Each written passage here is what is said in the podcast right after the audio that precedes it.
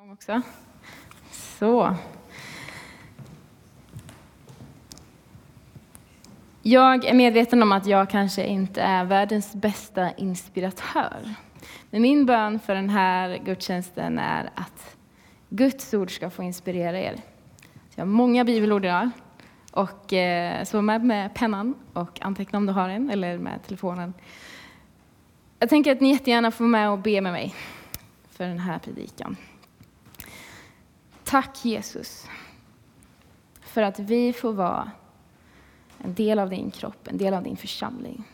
Tack för att vi inte behöver vara ensamma i det här livet, utan att vi har varandra och vi har dig, Herre. Tack för ditt ord, att det är levande och verksamt. Och nu ber jag att ditt ord skulle få inspirera oss idag.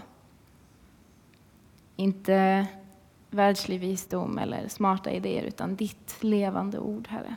Öppna våra hjärtan. All ära till dig. Amen. Min titel idag för predikan är Vem behöver kyrkan? Vi har haft en vår med ett tema, relationer och psykisk hälsa. Och jag tänkte jag skulle knyta ihop säcken lite idag. Ni får jättegärna kolla på gudstjänsterna vi har haft innan. De har varit väldigt bra, skulle jag själv vilja säga. Eh, men vem behöver kyrkan egentligen? Vi har ju varit ett år utan. Är kyrkan verkligen viktig i framtiden? Kanske sitter du idag och tittar på det här som inte har en tro, och då har du ju klarat dig hittills i alla fall. Eh, eller så har du en tro efter länge, men känner att ja, men, det har gått ganska bra ändå. Jag sitter här idag och ja, tro kan jag göra själv. Eller så kanske du känner annorlunda. Ska man tro Apostlagärningarna, ni kan följa med mig dit, 17 och 24. Så verkar inte Gud heller behöva kyrkan. Vi kollar. Gud är den som har skapat världen och allt som är i den. Han som är herre över himmel och jord bor inte i tempel som är gjorda av människohand. Inte heller låter han betjäna sig av människohänder, som om han behövde något. Han som åt alla ger liv och anda och allt. Gud verkar inte heller behöva kyrkan. Så vem behöver kyrkan egentligen? Ett av de eh, bibelställen som vi kommer röra oss lite mer kring idag är Psaltaren 73, så där kan du verkligen få följa med till. Och vi ska läsa en psalm som Asaf har skrivit, inte David utan Asaf. Och Asaf han var en av körledarna som David hade utsatt till lovsångstjänst i templet som skulle byggas upp. Och templet på den tiden, på Gamla testamentets tid, var ju en plats där Guds närvaro skulle vara påtaglig. Det var liksom den heligaste platsen, särskilt liksom den innersta innergården där Guds helighet fanns. Där fanns det möjlighet att komma till Guds närhet.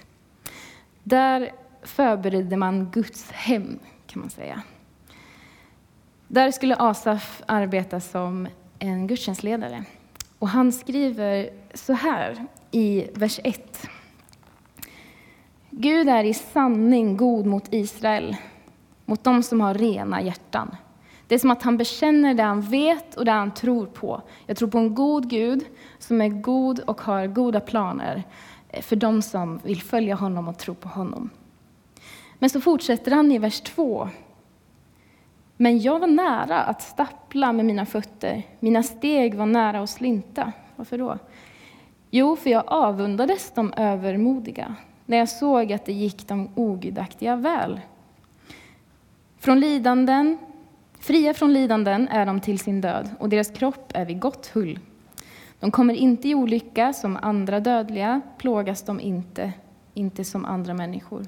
Därför är högmod deras halsprydnad och våld de kläder de bär. Ur deras feta ansikten, jag tror inte han menar bara en förolämpning här, utan det var ju att de hade det så gott ställt att de kunde äta gott. De hade gott ställt. Och ur deras feta ansikten tittar ögonen fram, deras hjärtans inbildningar har ingen gräns. De hånar och talar om förtryck i sin ondska, överlägset talar de. Med sin mun stiger de upp i himlen och deras tunga far fram på jorden. Därför vänder sig folket till dem. Vatten i mängd suger de i sig. De säger, hur skulle Gud kunna veta? Skulle den högste ha sån kunskap? Så är det med de ogudaktiga. Det går alltid väl för dem och deras rikedom växer. Kanske att man kan känna igen sig i detta lite grann. Vi kanske inte skulle använda samma ordalag för att beskriva människor som inte tror på Gud, men det får mig att tänka på min mans svåger som en dag frågade oss, och jag citerar lite fritt här. Men hur kommer det sig att ni vill lägga så stor del av era liv på kyrkan och på Gud? Ni verkar ju ha det minst lika jobbigt som alla andra. Eller till och med jobbigare ibland. Är det värt det? Och jag låg lite inombords. Ett, för att eh,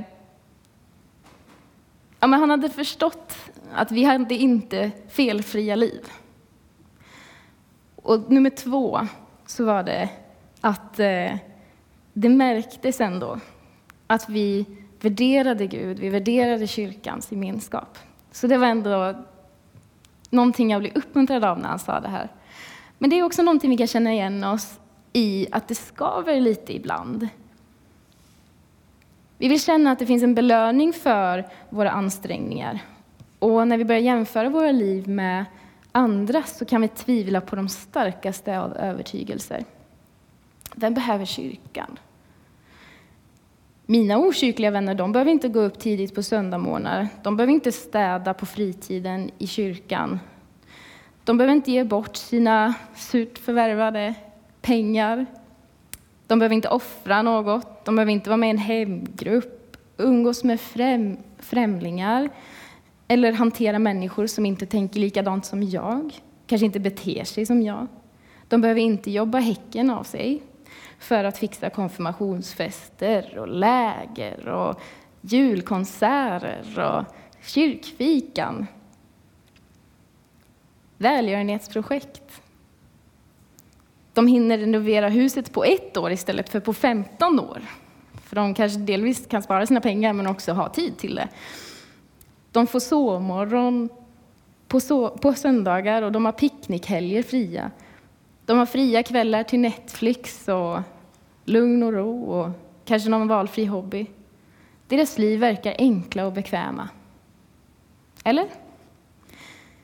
Jag tänkte lista fem anledningar till varför man inte behöver kyrkan. Undrar vad Bengt tänker nu. Nej, nej, nej! De ska ju komma till kyrkan. Men fem anledningar till varför man kanske inte behöver kyrkan. Och den första är att det har aldrig varit lättare att klara sig utan kyrkan som byggnad och som samlingsplats. Delvis så finns det ingen kung här i Sverige som tvingar oss att gå till kyrkan längre. Dessutom kan vi bara ladda ner en podcast med en av världens vassaste predikanter, eller vår favoritpastor. Vi kan slå på en nice gudstjänst från den hetaste församlingen i Sverige just nu. Det finns en uppsjö av gudstjänster på nätet. Till och med våra egna gudstjänster finns på nätet. Du kan eh, dela en fin lovsång på Instagram eller Facebook och ja, kan lyssna lite i bilen, kanske sjunga med för full hals i bilen på vägen hem från jobbet. Kanske lyssna på en lite bra ledarskap från Andreas Nilsen när man är ute på sin joggingrunda. Det är lättare än någonsin att inte behöva gå till kyrkan. Det är nummer ett. Nummer två är att det är stökigt. Oj, vad stökigt det är att vara i kyrkan. På engelska skulle man kanske säga It's a mess. Alla kyrkor är stökiga. Jag tror inte det är bara våran. Och jag skulle vilja jämföra med vårt hus. När vi flyttade in i vårt hus, visserligen blev det städat ganska snabbt för vi hade väldigt mycket hjälp. Men när vi tittade på det för första gången innan vi hade slagit till, så att säga, så såg det ju så fint ut. Ja, det såg perfekt ut. Och oj, vad fint de har gjort det. Och, så fint var det. Men när man hade bott in sig några veckor så insåg man att det var både fuskbyggen och det var ruttet bakom färgen och det, det var stökigt också. Det var fint på ytan, men när man var med ett tag så började det skava lite grann. Vi trivs fortfarande, men det var inte så som det såg ut på ytan. Kyrkan är stökig, för jag är stökig. Och jag tror att du är stökig ibland också. Och syndiga människor är stökiga. Kyrkan är stökig. Det, och det är stökigt och det är rörigt att hantera konflikter. Människor som inte är som jag, som kanske inte är samma ålder som jag, som inte fattar hur det var att vara tonåring eller pensionär eller mitt i livet eller ung vuxen. Det är rörigt att hantera kulturkrockar, andra språk, kommunicera. Det är rörigt. Det är lite krångligt. Det var nummer två. Nummer tre är att det kostar. Det kostar tid, energi, resurser, pengar eller vad man nu än har som man bidrar med. Och det kan faktiskt till och med kosta relationer. När jag var tonåring så var det en kompis i vårt gäng som eh, hon ville ge sitt liv till Jesus. Men hennes syster sa till henne, om du gör det, om du blir en kristen, då är inte jag din syster längre. Det kan kosta med kyrkan, relationer och mycket annat. Det fjärde är att det är en kamp att vara en del av kyrkan. Och strider, de är jobbiga. Kyrkans varande är att bejaka livet som en kamp och inte bara som en åktur på Disneyland där allt ska kännas bra. Livet som en del av kyrkan handlar inte bara om att vara lycklig ur liksom definitionen det ska kännas lugnt och skönt och bra bara hela tiden. Utan det är att bejaka livet som en kamp. Och inte en kamp mot människor. För vi läser i vår bibel att kampen är inte mot människor utan mot andemakter, mot djävulen som vill oss illa. Så vi strider inte mot människor, utan mot det som gör människor illa. Vi strider mot sjukdomar, mot hat och mot även sånt som är kanske mindre, men gör oss illa ändå. Men vi strider också för, framför allt, vi strider för människors frälsning. Vi strider för människors frihet. Vi strider för hopp, frälsning, ljus, kärlek, gemenskap, värme, upprättade liv och bättre samhällen. Det strider vi för. Och det kan vara jobbigt. Nummer fem, den sista, är att det är svårt att hantera sociala sammanhang. Och det har jag egentligen redan varit inne på. Men det kanske inte passar mig. Det kanske inte passar mig att vara med i en församling med 270 medlemmar. För jag vill helst bara sitta med en person och prata. Jag kanske är introvert eller extrovert och det passar inte mig att vara i en liten församling. Det kanske inte finns så många i min ålder. Jag kanske känner att jag inte passar in. Jag kanske känner att det är svårt att relatera till andra människor. Jag kanske till och med har diagnoser som gör det svårt för mig. Det passar inte. Dessutom så är det läskigt att släppa in andra människor in på livet. Det är mycket lättare att skylla på att de inte upplev, uppfyller mina förväntningar. Men att börja släppa in andra människor på livet och själv ta initiativ, det är jobbigt och det är läskigt.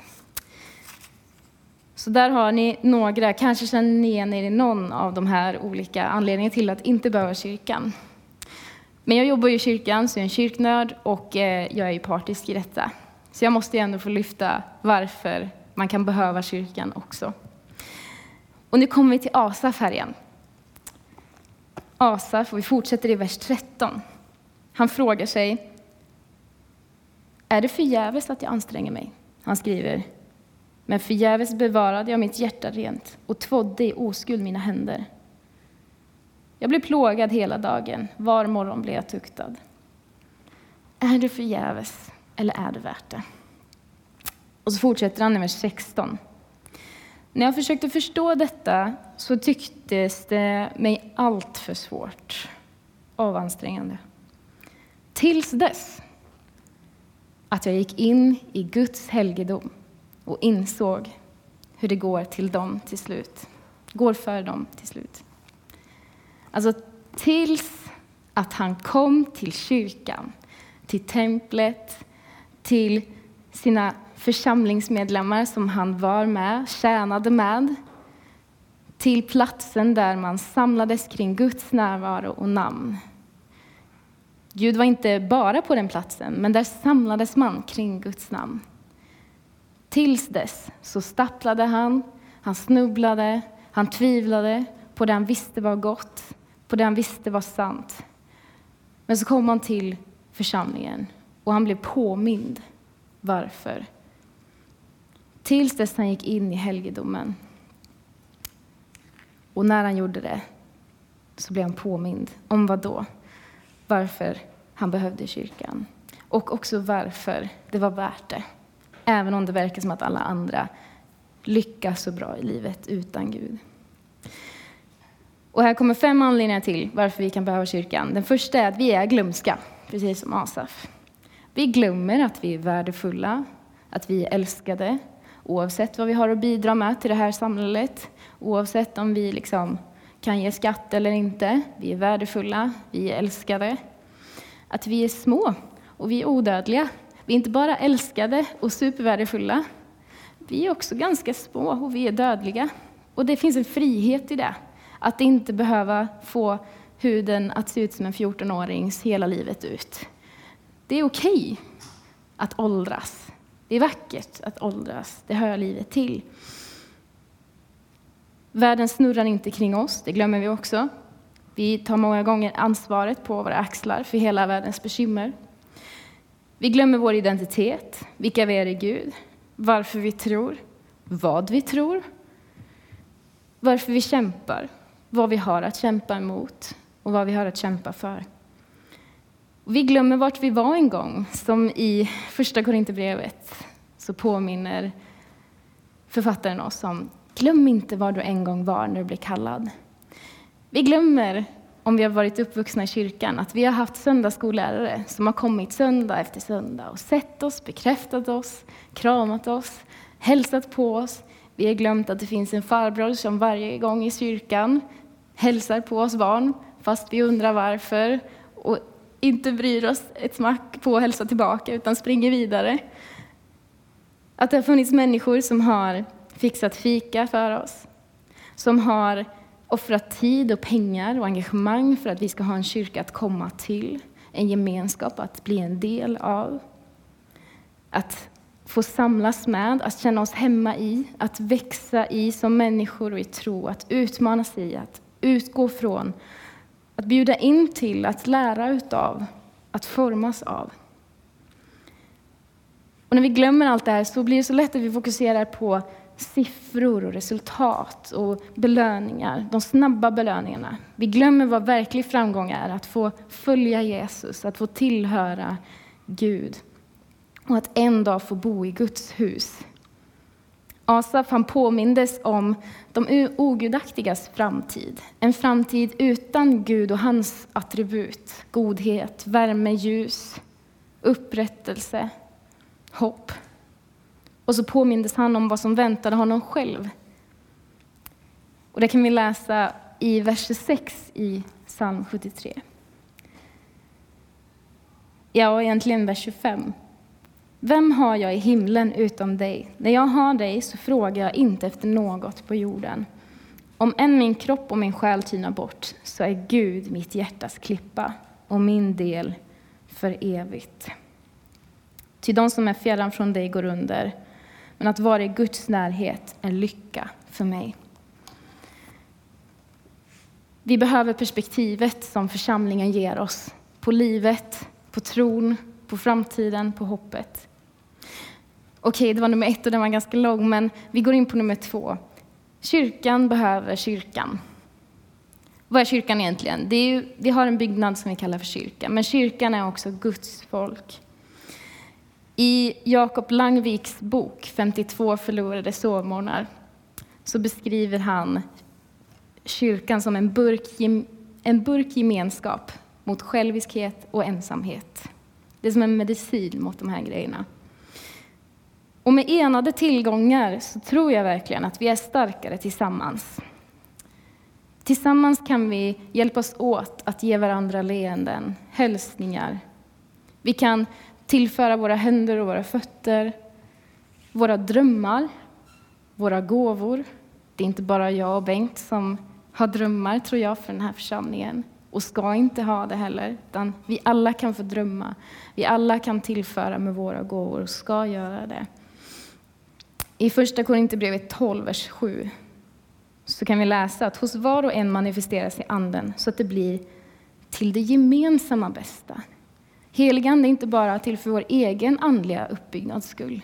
Heligande är till för vår gemensamma bästa. Och då måste vi också få träffas och ge till varandra. Lärjungaskap, det görs tillsammans. När du inte är med så saknar kyrkan dig. Och jag tror också att kyrkan saknas dig. Vi märker det inte alltid. Det är lite som när man har gått för länge utan att äta, man glömmer att man är hungrig. Och sen när man väl börjar äta så kan man inte sluta. Man insåg att oj vad hungrig jag var. Vi går inte under som kyrka utan varandra, det tror jag inte. Så stort ansvar har du inte. Men du saknas. Vi kommer sakna dig. Och jag tror att vi kommer vara något som saknas dig.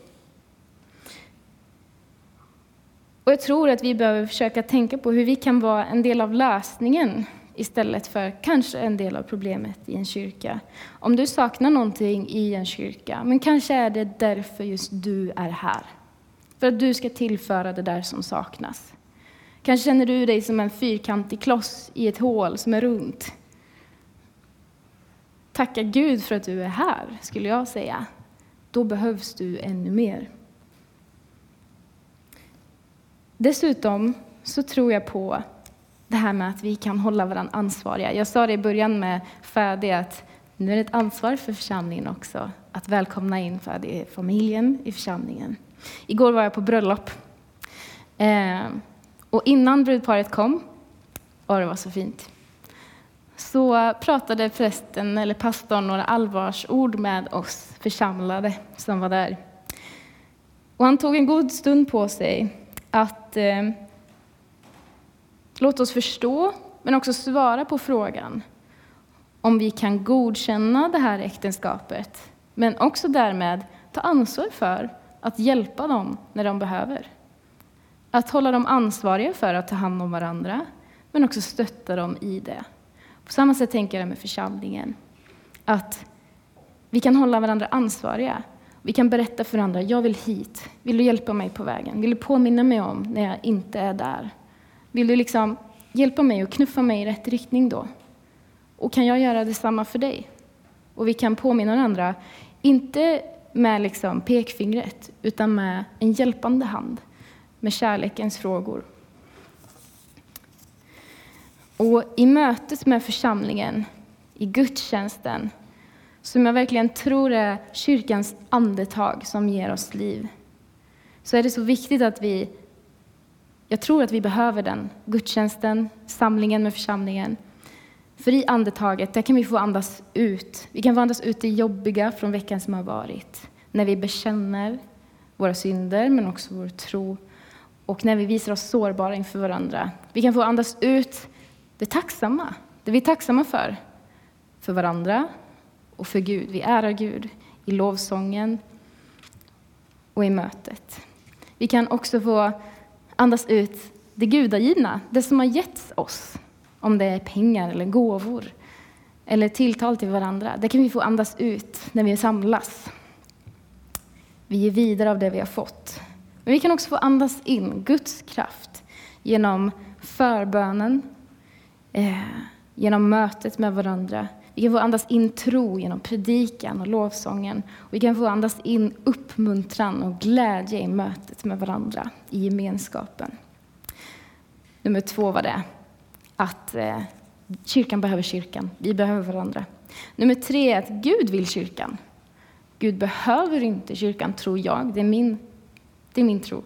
Men jag tror att han vill kyrkan och det är minst lika viktigt. Kyrkan är Guds, först och främst. Inte min, inte Bengts, inte din, den är Guds. Och Paulus skriver i Första Timoteusbrevet, som vi kan hoppa till, kapitel 3. Detta skriver jag till dig i hopp om att snart kunna komma till dig. Men om jag dröjer ska du veta hur man bör förhålla sig i Guds hus, som är den levande Gudens församling, sanningens pelare och grundval. Och I en annan översättning står det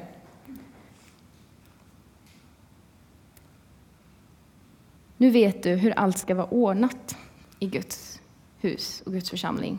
Många kristna köper verkligen det här med tro. Men kyrka, nej.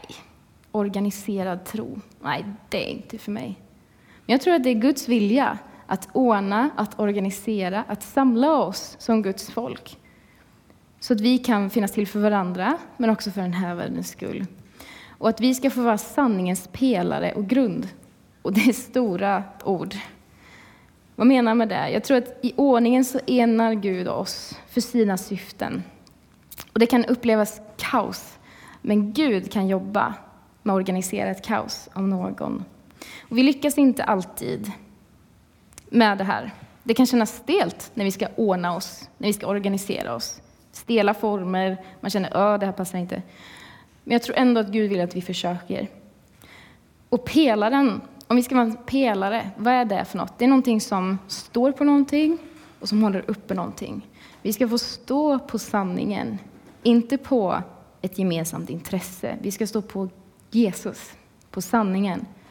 Och ska vi få hålla upp Jesus så att världen ska få se sanningen, ska få se Jesus, Guds son.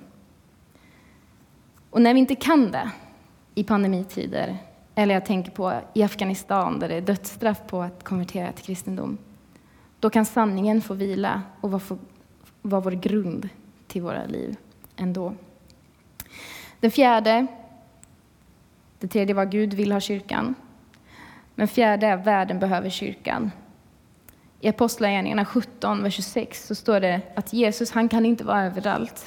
Och därför har Gud spritt ut oss på värld, i världen för att vi ska kunna finnas för människor som vill söka och finna Gud.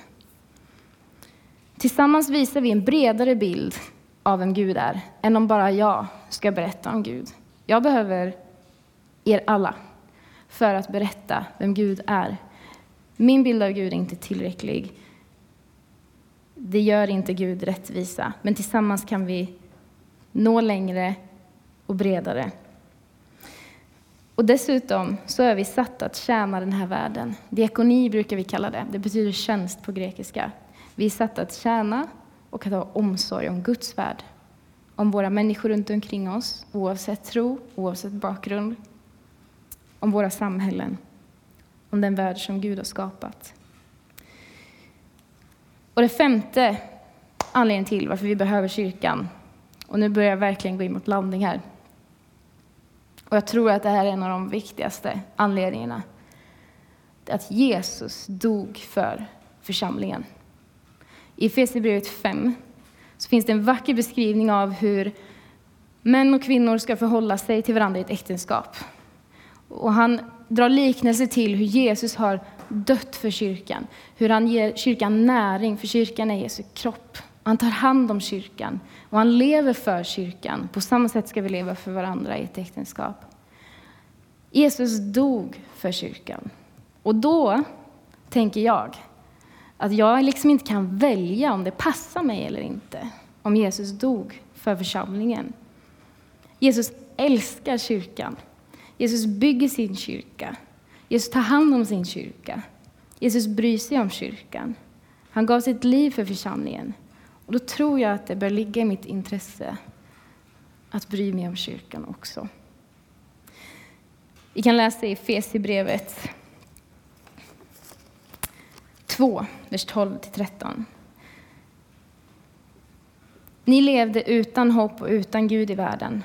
Men nu har ni, som är i Kristus Jesus och som en gång var långt borta, kommit nära. Hur då? Genom att vara duktiga?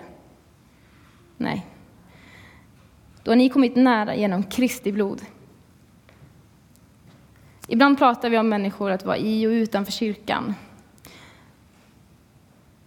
Eller bättre och sämre människor. Men det handlar inte om att vara bättre och sämre. Eller ha mer eller mindre sköna liv. Skillnaden är att människor i kyrkan är människor som bejakar sin hopplöshet utan Gud för att bejaka sitt hopp genom Jesus. Där suddas alla skillnader ut. Sociala, ekonomiska. Där är vi ett. Skillnaden är att människor i kyrkan bejakar sin hopplöshet utan Gud och bejakar sitt hopp genom Jesus. Jag avslutar med Hebreerbrevet 10. Vers 23 till 25.